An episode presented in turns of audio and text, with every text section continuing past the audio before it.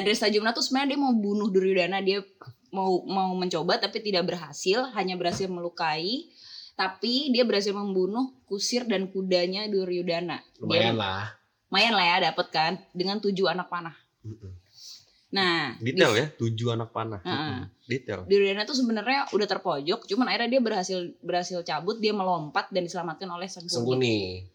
Desta Jumna ini harus diingat juga perangnya seperti Sri Kandi. Jadi beneran gak ada ampun. Lo Hmm. dipepet terus musuhnya. Jadi Hmm. harus dapat harus dapat harus dapat gitu. Mm-mm. Ya, gitu. Dia ngelihat ada empuk nih Duryodhana nih. Oke, gue lepasin. Luka dia tapi nggak mati. Sisa panahnya itu ngarahin ke kereta kereta sama kusirnya. hancur dah. Oke, oke. Hari ke-8 akhirnya Bisma capek coy. Akhirnya ya. Tag team tag team gitu. Iya gitu. Heeh. Time out, Tos-tosan, time out. tos-tosan dulu. Turunlah Duryodhana sebagai panglima dari pihak Kurawa. Yang mana on aja sini keadaannya. Iya, udah ngapain gitu sebenarnya. Nah, bener nih ketahuan begitu bukan Bisma yang pegang, Bisma berhasil membunuh delapan orang Kurawa. Bima. Bima Heeh. maksud gua, Bima membunuh delapan orang adik-adiknya Hmm. Duryodhana. Di antara empat di antaranya dengan kepala terpenggal ya. Oh, dihabisin lah banget berarti ya. dihabisin. Telak banget lah. Nah, terus Duryodhana nyuruh nih, karena dia ngeliat adik-adiknya mati nih, yang sisa-sisa adiknya yang lain kan banyak nih ya kan. Mm-mm. Lu kan banyak coy, lu tolong tuh, lu urus tuh si Bima lu Hmm. kroyok tuh. Kita baru 16 nih yang udah mati Mm-mm. gitu. 8 kemarin, 8 sekarang. Heeh, masih banyak lu kan. Mm. Lu maju, lu coba lu bunuh nih si Bima. Gak ada yang mau maju, gak ada yang berani. Ya menurut Ya, El aja. aduh. Culun banget. Nah, dari pihak Pandawa salah satu yang turun adalah Irawan. Hmm. Itu anaknya Arjuna. Arjuna. Hmm. gitu. Nah, Sangkuni datang membawa aliansi yang tadi didapat dari eh, tawarannya siapa? Kresna itu yang Kresna. ya. Dia bawa aliansi kavaleri negara-negara itu Hmm. ke kuda-kudaan itu semua. Sementara Irawan juga nurunin pasukan kudanya sendiri. Hmm. Karena dia sama-sama. raja. Gue gue lupa Irawan tuh raja mana tapi intinya dia di usia yang muda udah jadi raja di sebuah negara Nah, gitu intinya. Dia punya pasukan sendiri, pasukan kuda. Nah, saudara-saudaranya Sengkuni dalam perang dalam battle tersebut itu mati semua. Kecuali ada satu yang sisa Oresaba namanya. Mm-mm. gitu. Nah, Duryodhana ngirim alam busa namanya, Raksasa. raksasa, Hmm. untuk si Irawan ini dilawan sama si alam busa ini. Peperangannya adalah peperangan sihir. Hmm. Main santet nih udah nih. Oh, udah. Bola Irawan itu api. keahliannya sihir. Oh, Salah gitu. satu keahliannya sihir selain panah seperti bapaknya dia Hmm. bisa sihir. Nah, dari pihak si Irawan dia mengeluarkan wujud Garuda. Naga kak. Eh, Irawan, Irawan naga. naga. Oh iya, Irawan naga. Mm-mm. Sementara alam busa mengeluarkan Garuda. Garuda. Itu musuh Hmm. bebuyutan tuh, Garuda sama naga itu memang. Nah, akhirnya di situ naganya berhasil kalah. Tapi naganya gigit Irawan terus mampus Irawannya gitu. Oh, Bukan. jadi draw gitu. Jadi kan naganya kalah nih sama si Garuda. Nah, Ya kan Irawannya bengong. kok Kayak- kalah? Kok kalah sih naga gua gitu. Hah? Lagi bengong digigit sama si alam busa lehernya. Oh, alam gitu. busa yang gigit. Heeh. Jadi gini kak, ini ada cerita cerita kalau di versi Jawa Heeh. yang disebut alam busa itu namanya adalah Kolos Renggi. Heeh. Kolos Renggi ini sebetulnya Kalau mongso. ya raja muda di lupa gue nama nama nama negaranya apa yang dia sebetulnya datang terjun ke Baratayuda karena dia punya dendam pribadi terhadap Arjuna. Arjuna itu Arjuna dulu banyak musuh ya. iya, Iya. dulu Hmm. pernah menghabisi bapak dan ibunya. Oke. Hmm. Ketika dia ketemunya Irawan, dia tahu bahwa Irawan anak Arjuna, Anak Arjuna. ini kesempatan nih nggak dapet bokapnya, dapet anaknya. Hmm. Jadi pada waktu kalau di Jawa prosesnya adalah mereka perang fisik dulu, Hmm. Pukul-pukulan apa perang fisik gitu. dulu yang mana nggak ada yang kalah di situ. Hmm. Sama nih ternyata. Berikutnya stage berikutnya baru mereka ngadu nih, ngadu sihir. Hmm. Irawan ngeluarin itu, si Kolos Renggi alias Alam Busa ngeluarin itulah apa burung Garuda itu. Hmm. Garudanya yang menang. Hmm. Irawannya bengong. Kok bisa ya dia ngalahin naga gua ya? Hmm. Hmm. Bengong. Habis Digigit digigit. beneran digigit air gitu. Iya, Iya, kan digigit lehernya. raksasa tuh gigit. raksasa. Oh, raksasa ya. Gue lupa. Nah, Pakai perbedaannya juga kalau di ini kan kebanyakan yang diceritain Aska nih versinya lebih berat ke Indianya. Hmm. Kalau versi Jawanya, harusnya si Kolos Renggi itu mati juga di situ. Jadi Hmm. pada saat dia menggigit si Irawan, Irawan masih sadar, dia ngambil kerisnya, Colok. tusuk, jeger, mati dua-duanya. Oh, Stalemate ya jadi jatuhnya. gitu ya. Gitu Nah, impas dah udah. impas Selesai, ya. gitu dibikin selesai kalau Gitu. di versi India alam busa masih akan turun lagi nih berikutnya Oh, masih gitu. masih terus masih lanjut. Oke. apakah eh, alam busa dan kolos renggini adalah eh, tokoh yang sama gitu atau dianggap sama di Jawa gue nggak paham tapi kurang nama itu terulang padanannya kayak Hmm, gitu Iya. ya. iya. Heeh. Nah, oke oke. Mungkin karena itu juga kali ya, makanya Alam bikin lagu Mbah Dukun karena Benar. perangnya sihir ya. iya sih Hmm, Betul benar. gitu. padahal ini alam busa yang Iya. keluar sihir mestinya kalau alam busa keluar, keluar busa, busa. Iya. gitu Alam dia busa. turunan sabun kali. bisa jadi Gitu. jadi dia higienis nih orang Eh, oh iya dong. Nah, cuci tangan mulu nih Heeh. Ini nggak penting banget ya. Oke, hari Yang ke-9 hmm. masih Duryodhana dari pihak Kurawa, dari pihak yang Pandava. tua-tua istirahat kali Iya kayak kayaknya. kayak udah turun mulu kan udah Iya. seminggu nih Udah gitu turun bero kali. Seminggu Gila udah kali lu. dulu lah Iya. Males lah anjir. Nah, Abimanyu tuh. Nah, ini juga dari pihak Pandawa yang turun muda-muda nih. Ya. Abimanyu dan anak-anak Pandawa lainnya Hmm. gitu. Abimanyu di situ sudah mengamuk ya posisinya. ngamuk Duryodhana terus mengeluarkan untuk menghadapi amukannya Abimanyu itu dia mengeluarkan banyak raksasa Duryodhana ini.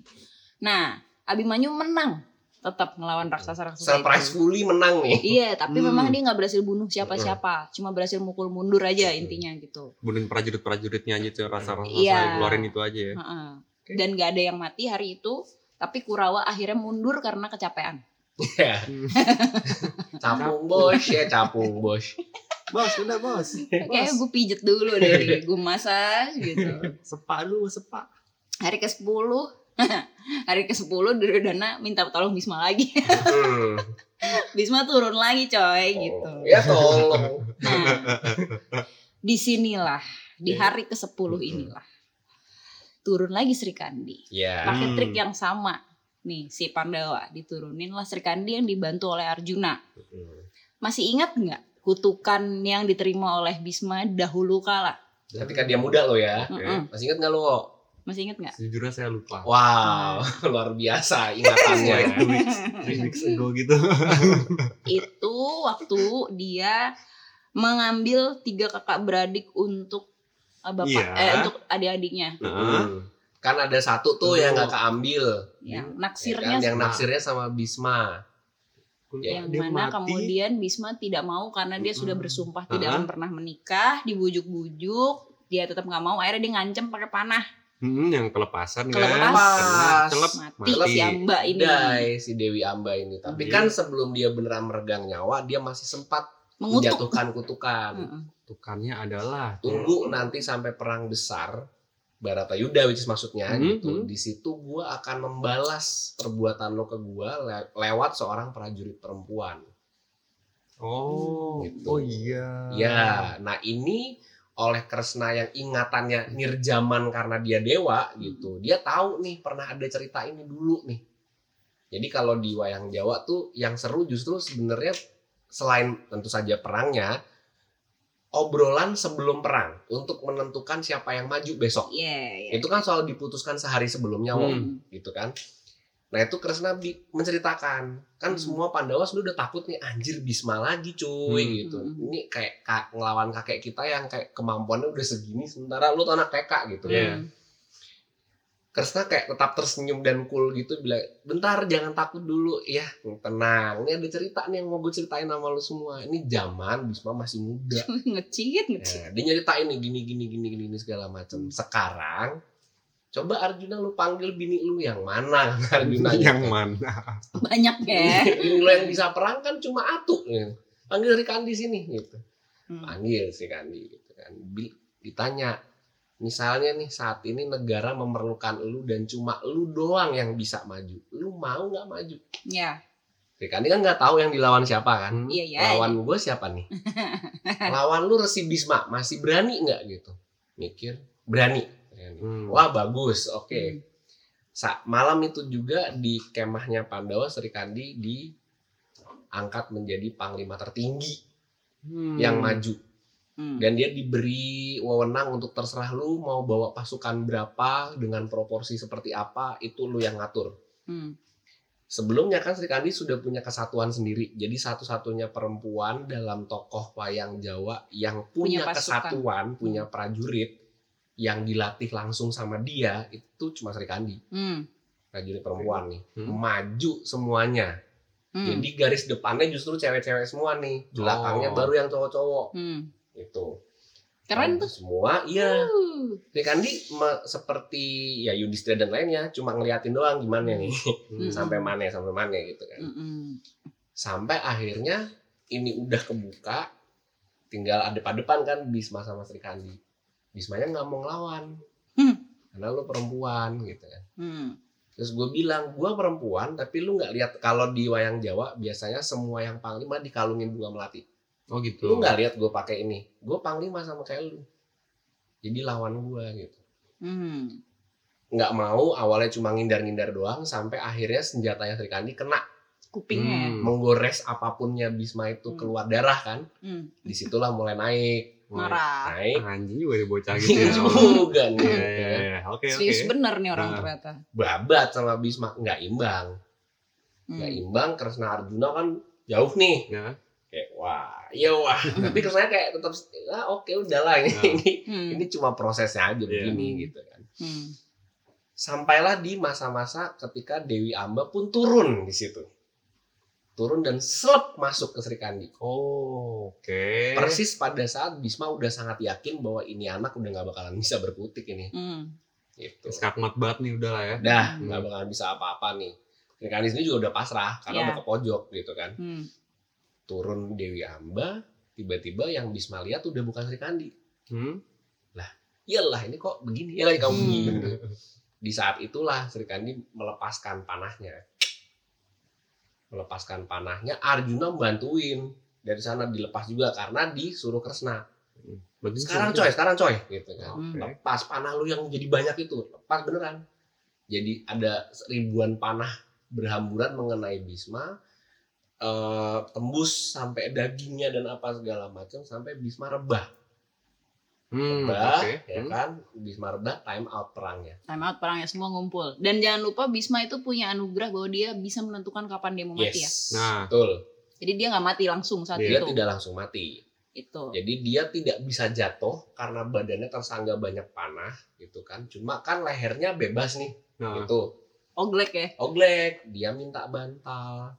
Nah, si Kurawa Dursasana nih disuruh sama "Lu cariin bantal nih gitu kan. Kasih nih bantal beneran yang dari bantal-bantal naon gitu. Ditolak sama Bisma.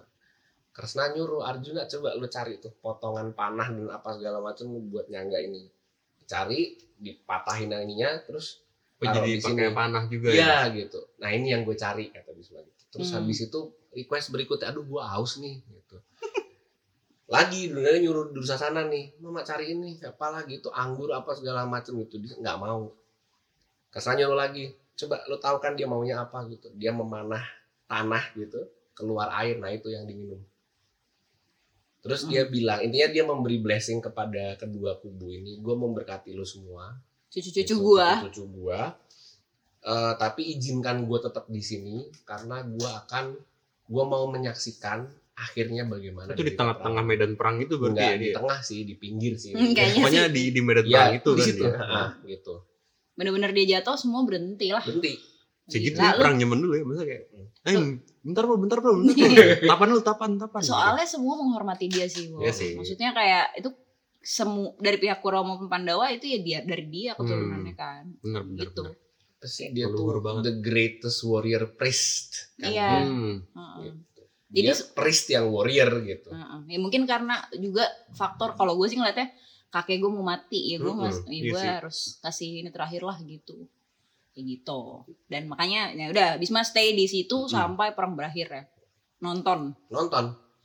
Nonton dalam kondisi sekarat tuh gimana sih? Anjing, paham gitu. emang tapi itu juga membuktikan penderitaan dia sih. Kan Iya. dia dikutuk untuk menderita Hmm, kan gitu. Nah itu dari hari ke 10 ya. Sekarang hari ke 11 dari pihak Kurawa nurunin Dorna.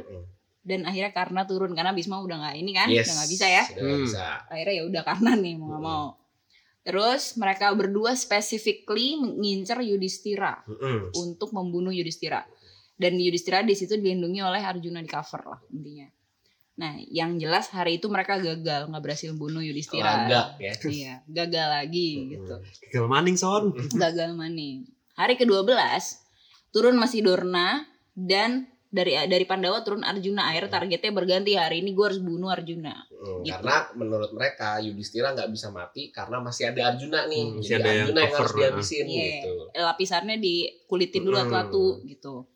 Nah, Kurawa didampingi oleh aliansi mereka Hmm. negara Hmm? Triga Trigarta. Trigarta. Hmm. Nah, si Raja Trigarta ini turun dengan membawa tiga orang saudara dan 35 anak mereka. Hmm. Banyak banget Gitu. anaknya. Iya, semuanya kalah ya. Mati satu-satu kecuali rajanya sendiri. Hmm? Itu rajanya itu namanya Susarma. Susarma Hmm. gitu. Nah, masuk ke hari 13, Duryudana turun lagi dari pihak Kurawa, Hmm. ngapain ya? Nah, dia didampingi oleh aliansi Bogadenta, Hmm. negara Bogadenta yang si Bogadenta ini punya dendam pribadi sama Kresna Iya. gitu. Dendam dendam pribadinya adalah apa? Lu tau gak dendam pribadinya Bogadenta sama Kresna? Hmm, gue lupa Kresna pernah ngebunuh siapanya gitu pokoknya. Biasanya sih Sehingga gitu dia mau sih. membalas Ya. dendam Yes. ya, tentunya. Nah, Nah, Duryudana tuh juga ditemani lagi masih ada Dorna di situ, dia masih nemenin. Dari Pandawa masih tetap Arjuna. Nah, Bogadenta dan Susarma tadi yang Raja Trigarta itu akhirnya em, turun lagi tapi akhirnya mati di tangan Arjuna. hmm. Pak, gagal lah ya. Berhasil dibunuh. Benar-benar gagal. Betul. Nah, Abimanyu Abimanyu anaknya Arjuna, kesayangannya Arjuna turun kan dalam perang itu dia juga ada. Hmm? Nah, dia itu ditugaskan untuk merusak formasinya Kurawa. Hmm. sebetulnya. Jadi dia turun mau merusak formasi Kurawa, ternyata begitu dia turun, Pandawa yang lain nih si Yudhistira, Arjuna yang nonton semua ini itu ditutupi, dikepung oleh Jayadrata. Hmm. Jadi nggak bisa ngontrol Jayadrata tuh apa? Jayadrata orang. Pokoknya eh, nama tokoh tapi dia berpihak di Kurawa. Di deh. Kurawa. Gua lupa Gitu, oke, apakah oke. dia termasuk yang cepek itu apa bukan gue lupa. Heeh. Oke. Pokoknya dia jadi Eh bukan bukan, dia nggak termasuk yang cepek itu. pokoknya pasukan Iya. lah ya, pasukannya Nutupinnya gimana tuh? Pokoknya dihadang, gitu. Oh, dihadang. dihadang. Dihadang, Oke. dibikin Kan dibikin harusnya sebenarnya Abimanyu itu jadi pembuka jalan Hmm? biar yang pasukan yang tokoh-tokoh bisa masuk. Mm-mm. Hmm. Ternyata begitu Ar- eh, si Abimanyu masuk, turun. yang itu nutup Jayadrata ngehadang Oh. gitu. Oh. Formasi yang yang mau dikacaukan itu nutup Hmm? Gitu. Gitu. Akhirnya Terkepung gitu jadinya ya. terkepung, Oh. nggak nggak berhasil dikontrol, nggak berhasil diselamatkan. Akhirnya di situ Abimanyu gugur. Mati. Hmm, Dead dia. Gitu. Nah itu istilahnya kalau di Jawa namanya adalah ranjapan. Kenapa ranjapan? Karena Abimanyu betul-betul di eh, satu dikepung dari segala arah, dari semua arah dia dikunci. Hmm. Yang kedua eh, eh, dia di, di dihujani senjata berbagai senjata dari berbagai sisi. Oh, Gitu. oke. gitu dia mati Hmm. Arjuna marah besar sedih galau Hmm. G4 L4U ya kan Hmm. nah akhirnya Arjuna pun bersumpah Hmm. bahwa kalau dia belum berhasil membunuh Jayadrata sampai matahari terbenam Hmm. dia akan bakar diri Hari itu juga berarti. berarti harus hari itu juga dong Iya. logikanya Hmm. kan Kresna denger nih nah ini gawat nih kalau ini Hmm. orang bakar diri beneran ya kan ya udah deh coy akhirnya dia menahan matahari untuk Matahari. supaya Oh, tidak gitu. terbenam Hmm. Lihat. kan kurang dia ajar ya ngelepasin cakra buat nahan supaya mataharinya nggak tergelincir. kan bangsat ya Oke, ngecit ya oke, oke, oke, fine. Bisa, Nah. bisa. Wow, hai. nah, abis itu masuklah di hari ke-14 itu matahari nggak ada terbenam-terbenam ya sampai Betul. ganti hari ya. Capek banget tuh prajurit Siang perang terus mulu. tuh. Iya. Nah, Kurawa tuh tahu kan Jayadrata tuh diincer nih. Hmm. Akhirnya mereka bikinin benteng-benteng yang dilindungi lah nih si Jayadrata gimana caranya. Bentengnya tuh benteng gaib gitu loh. Jadi Ah. intinya biar si Jayadrata nggak kelihatan Hmm. sama mata telanjang ini nggak kelihatan. Hmm. Nggak bisa ditemukan Nggak bisa dengan mudah. didetek. Iya. Ya, Oke, gitu. oke, oke. Tapi Arjuna kan marah banget nih. Dia ngamuk-ngamuk, dia berhasil membunuh 109.350 orang pasukan sendirian. On his own. Heeh. Nah, tapi karena ini nggak kelar-kelar, akhirnya Kresna ya udah gini deh caranya. Dia mau cakranya itu matahari tetap tidak terbenam, Hmm. tapi cakra yang dia keluarkan menutup matahari. Ditutup mataharinya. Set. Seperti gerhana, Ah. ya. Jadi gelap. Jayadrata mengira aman nih, kan udah udah sampai terbenam. Keluarlah dia dari benteng itu. Sah, mampus. Langsung tek gitu ya. Hmm. Betul, ditebas Jadi udah. ceritanya kalau di wayang Jawa eh, ketika itu ditutup, Kresna tuh udah ngomong sama punakawan. Jadi Semar apa segala itu udah udah disuruh. Hmm. Gue mau nutup matahari nih. Maaf ya, cuma Maaf ya. gue mau nutup matahari karena di sekolah udah mulai dikit ya gitu nutup matahari Soalnya bisnis retail udah gak untung. bener nih semuanya online ya kan tolong ya tolong gue mau nutup matahari nanti pada saat mataharinya udah ketutup sama cakra gue Hmm? lu semua provok masyarakat provok pasukan bilang kalau Arjuna mau bakar diri Hmm. Oh, jadi di scan sounding. iya Ah. gitu Hmm. jadi itu pancingannya teriak-teriak kan gitu Arjuna mau mau bakar diri Arjuna mau bakar diri. keluar si Jedrata gitu kan Udah, udah habis. habis Gitu. Terpancing ya. Hmm. Ini di hari yang sama bang, di hari ke-14 Hmm. ini. Jadi eh, Dewa Indra yang mana adalah bapaknya Arjuna Hmm? itu menemui Dewa Surya. Hmm. Sebelum sebelumnya tuh Dewa Surya udah menemui anaknya si Karna ini kan. Hmm? Dia udah bilang bahwa coy lu tuh nggak bisa menang lawan Arjuna karena menurut takdir lu akan mati sih gitu. Nah, eh nan- kan dia immortal nih, Hmm. ya kan?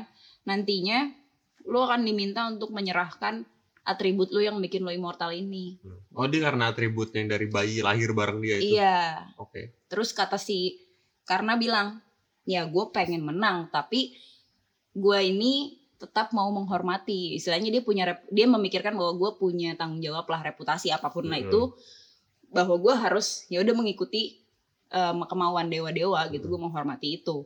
Jadi kalau memang diminta, gue gue kasih. akan kasih Dia bilang gitu. Tapi gue akan tetap perang. Gue akan tetap perang, Hmm. tapi kalau emang diminta gue kasih. Ya udah, datang beneran Dewa Indra bapaknya Arjuna datang, bilang, sorry, lu gue nggak bisa biarin lu punya itu lah, lu harus kasih itu ke gue gitu. Lu nggak boleh pakai itu dalam perang. Benar dikasih, dicopot sama Krishna, eh sama Karna, Hmm. dikasih. Dan di situ Dewa Indra tuh terharu sebetulnya, Hmm. karena dia berpikir mungkin ekspektasinya adalah nih melawan atau Hmm, apa segala macam. gitu. Heeh. Oh enggak gitu loh ternyata. Ya udah akhirnya karena dia merasa kagum atau terharu lah apalah itu, dia memberikan anugerah untuk Karna satu senjata eh, mutakhir gue lupa nama senjatanya apa, tapi dikasih senjata itu yang udah pasti akan membunuh siapa pun yang terkena sasarannya, Hmm. yang menjadi sasarannya. Pan- semacam panah gitu berarti ya. Apa pun gue nggak tahu bentuknya ya, pokoknya tapi pokoknya kalau jadi target dari senjata itu lu pasti mati lu nggak mungkin menang. Oke. yang mana kar- karena akhirnya mikir ya udah gue mungkin akan mati juga tapi setidaknya gue punya ini ini bisa gue pakai buat bunuh Arjuna. Hmm. gitu dia berpikirnya gitu. Tapi di hari ke-14 itu ada Gatot Kaca bang. Mm-mm, betul. Nah cerita Gatot Kaca ini bang. Jadi hari ke-14 itu perang menyalahi aturan. Hmm. karena dari pihak Kurawa masih penasaran. Mm-mm, kayak gimana caranya buat menangnya ngabisin nih gitu. Hmm. Hmm. Akhirnya Sengkuni tentu saja hmm. yang kayak punya ide banget nih kayak kita ya udah serang aja malam-malam gitu. Ya. Hmm. Ini sebetulnya kalau dalam versi wayang Jawa ditolak oleh Durna dan juga oleh Karna. Hmm. Hmm. Nggak bisa rulesnya udah jelas bahwa kita tidak boleh menyerang musuh di waktu malam. Kita Hmm. cuma punya waktu dari pagi sampai matahari terbenam apa pun yang terjadi, apa pun hasilnya kita semua mundur. Hmm. besok baru dilanjutin. Sungkuni bilang, yang namanya orang mau menang, itu apa pun harus lo lakuin. Persetan all is fair in love and war ya persetan dengan segala aturan-aturan itu.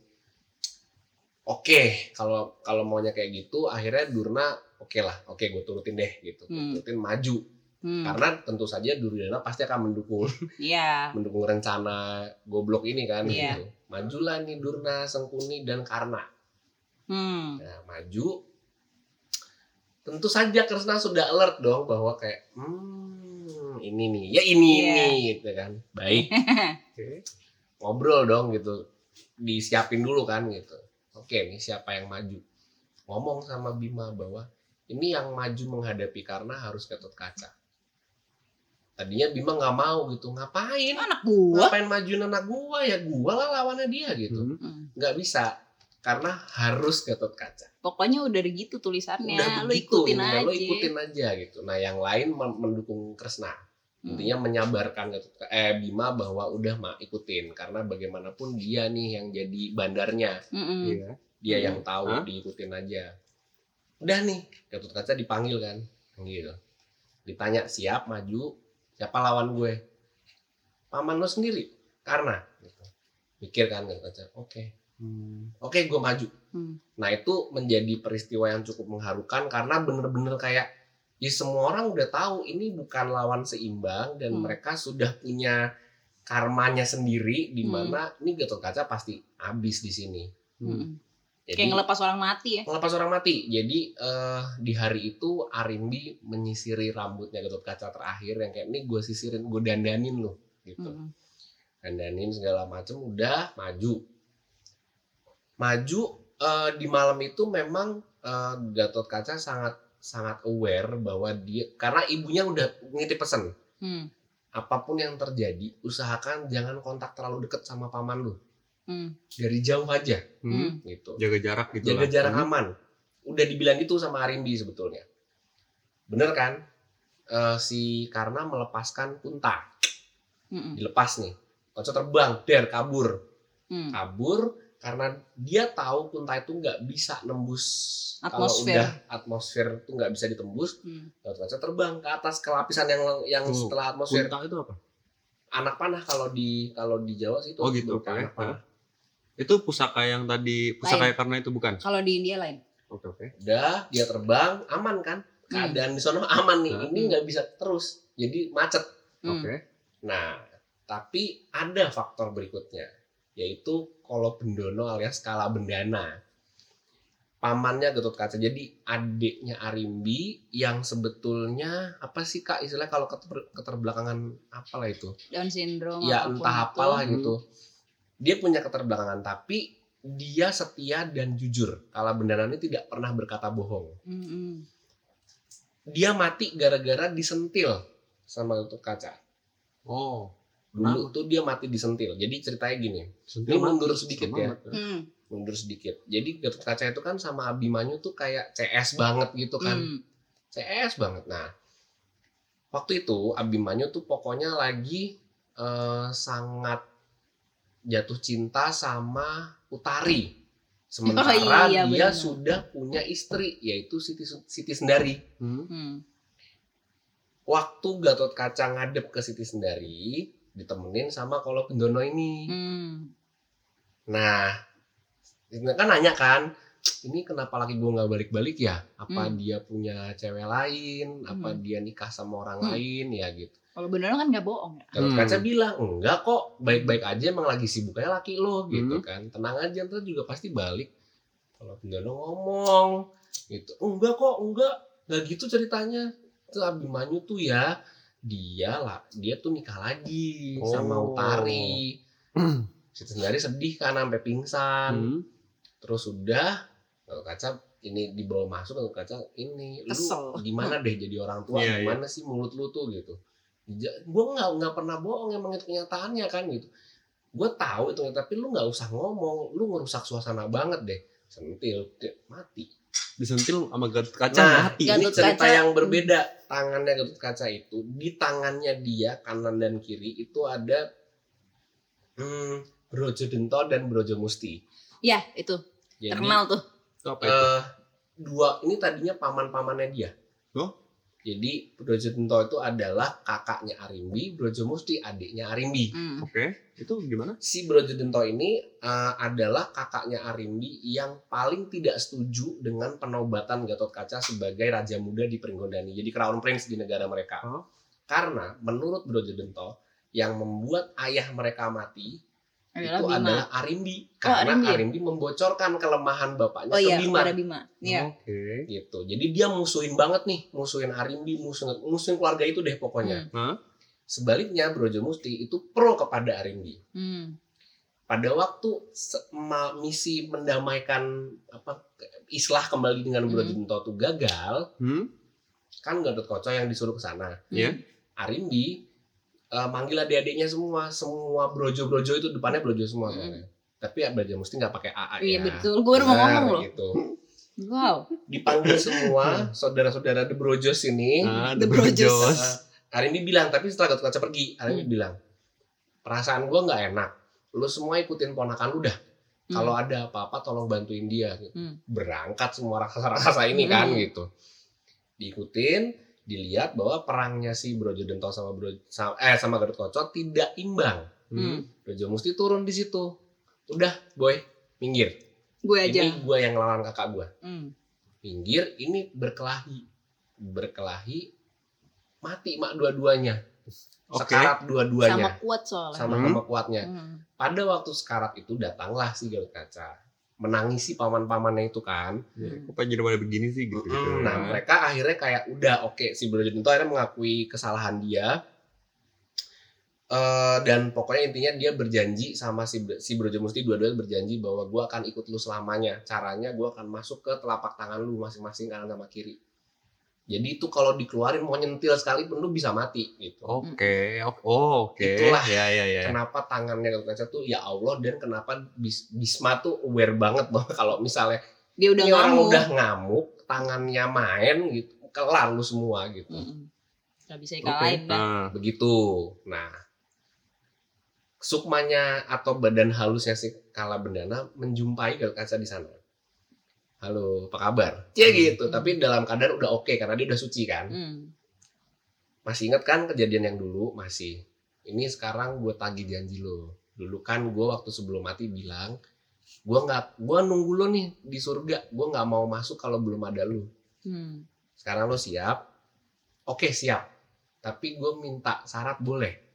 Apa syaratnya? Nanti kalau gue udah mati bawa badan gue ke bawah terus tumplekin ke pasukan itu pasukan Kurawa gue mau minta tumbal hmm. Oke, siap. Gue jalanin. Siap ya. Panahnya dibawa, diambil sama si kala bendana, ditusukin kaca. Hmm. Udah.